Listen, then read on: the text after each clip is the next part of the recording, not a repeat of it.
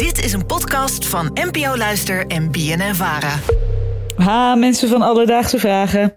De pepernoten die zijn intussen uit de supermarkt verdwenen en ik zie die oliebollenmix alweer opduiken. En ik vroeg me opeens af, waarom eten we eigenlijk met oud en nieuw oliebollen? Waar komt die traditie vandaan? Alledaagse Vragen. NPO Luister. Els, dankjewel voor het insturen van je leuke, maar ook vooral lekkere vraag. En David, nu is de vraag aan jou. Ben jij meer iemand die houdt van rozijnen in je oliebollen of zonder? Absoluut met rozijnen. Ja, waarom? Ja, anders vind ik het kaal. Dan, ja, het, het is en blijft een deegbal, ook met rozijnen. Een Maar anders ja. vind ik het echt te veel een deegbal. Dat snap ik, een kaal deegballetje, dat willen we niet. Maar zie jij hier nu oliebollen staan? Nee. Nee, nou moet je Gaat daar kijken. verandering in komen? Joy, mogen wij de oliebollen? Oh. Oh, geweldig. Want je kan natuurlijk geen uitzending maken over oliebollen zonder oliebollen. Lekker. Nou goed, we hebben die oliebollen hebben we nu gelukkig in huis. Maar zoals Els zich al afvroeg, waar komen die oliebollen nou eigenlijk vandaan? Daarover sprak ik met culinair journalist Onno Klein. Onno, hoe oud is de oliebol nou eigenlijk? Die is heel oud. Heel, heel oud.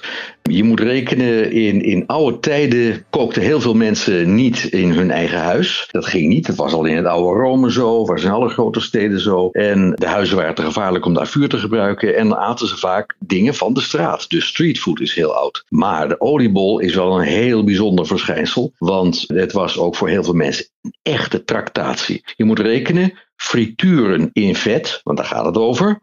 Dat ging voor de verkoper lekker makkelijk en snel. Dus dat is in het belang van de verkoper. En de klant hoeft er niet zo lang op te wachten. En die kan er iets kopen aan de straat. En dat was, dat was, dat was een tractatie. Het was dus echt iets voor eh, bijzondere dagen. Voor carnaval, eh, voor de kermis, voor feesten die er waren. Nou, daarvan is overgebleven bij ons oude jaar. Ik heb het er eerder over gehad hier in een Alledaagse. Voor mij, ik heb een hele sterke associatie met oliebollen met een andere feestdag. Oh Mijn vader en ik, die bakten altijd oliebollen voor het goede doel met Koninginnedag. Wat mooi. Ja, dus ik heb echt, ja, ik heb hier die oliebollen. En ik denk, oh ja, zonnetje, het voorjaar. Wat goed en zo heerlijk makkelijk in de hand. Maar het is wel leuk om te weten dus dat het vroeger een echte delicatesse was. Die ook zeker niet goedkoop was om te maken. Door dus de prijs van de frituurolie. Daar kan je nu ook niks bij voorstellen. En ondanks dat ze net als tegenwoordig gewoon rond waren. Werden ze in die tijd ook nog eens oliekoeken genoemd. En dat is best een mooie geschiedenis dus. En ik las dat we jaarlijks gemiddeld acht oliebollen per persoon eten. Goedemorgen, daar kom ik je- niet aan hoor. Nee, kom je daar niet aan? Nee, zelfs niet met Koninginnedag erbij gerekend. Nee? Hoeveel zou je er dan eten op één... eh, Nou, met oud en nieuw hoog uit twee, denk ik. Ja, ik, ik neem ook nu een hap en denk ook wel van jeetje. Je proeft het vet allemaal in je mond zitten. Maar goed. Eh, en ik heb er vandaag dus eh, speciaal twee gehaald. eh, heerlijke oliebollen. En dat is tegenwoordig, ondanks de inflatie, nog prima te betalen. Vroeger was dat, lijkt mij anders. Want suiker bijvoorbeeld, dat zie je hier, zie je hier ook heerlijk op die oliebol zitten.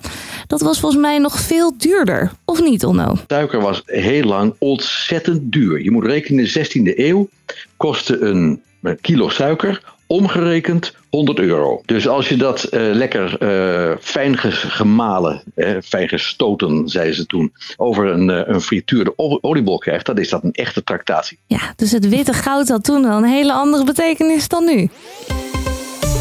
Alledaagse Vragen. Nou, vroeger, hoor ik onder zeggen, was het dus echt voor speciale gelegenheden. Maar, maar nu staat die oliebollenkraam er volgens mij al in oktober. Klopt, en nu kun je ze net zo halen, net als kruidnoten. Bijna vanaf oktober liggen ze allemaal in de schappen.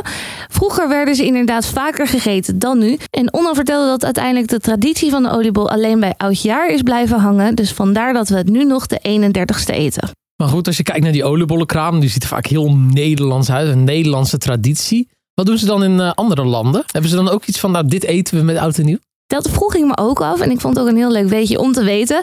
Want Onno, hoe zit dat nou eigenlijk in het buitenland met oudejaarssnacks? Ze hebben wel, eh, je moet zeggen oudejaarssnacks. Jazeker hebben ze die, maar dat is, voor hun, dat is voor hun geen oliebol. Je hebt allerlei tradities in andere landen. Eh, In Spanje eten ze om 12 uur bijvoorbeeld eh, op elke klokslag een druif. Dat brengt geluk. In eh, Italië eten ze altijd linzen s'avonds. Italië kent ook bijvoorbeeld wel allerlei gefrituurde hapjes. Die heb je in alle landen wel. Maar die associatie met oude jaar is er niet zo. En zo hebben alle landen hebben wel een traditie. Maar die oliebol, dat is wel echt iets van bij ons. Dus Els, waarom eten we oliebollen op Oudjaarsdag? Oké, oliebollen zijn dus al een hele lange tijd traditie voor de Nederlander. En vroeger werden ze als streetfood verkocht. En door de prijs werden ze vooral op speciale dagen zoals carnaval of oudjaar gegeten. De traditie is voor veel andere gelegenheden vergaan, maar oudjaar is overgebleven. En dat is waarom we nu op 31 december op Oudjaarsdag als traditie oliebollen in huis halen. Heb jij nou ook een vraag? Stuur die dan op via Instagram via onze DM, het Alledaagse Vragen. Of mail naar alledaagsevragen.bnnvara.nl en dan zoek ik het voor je uit. Alledaagse vragen. NPO Luister.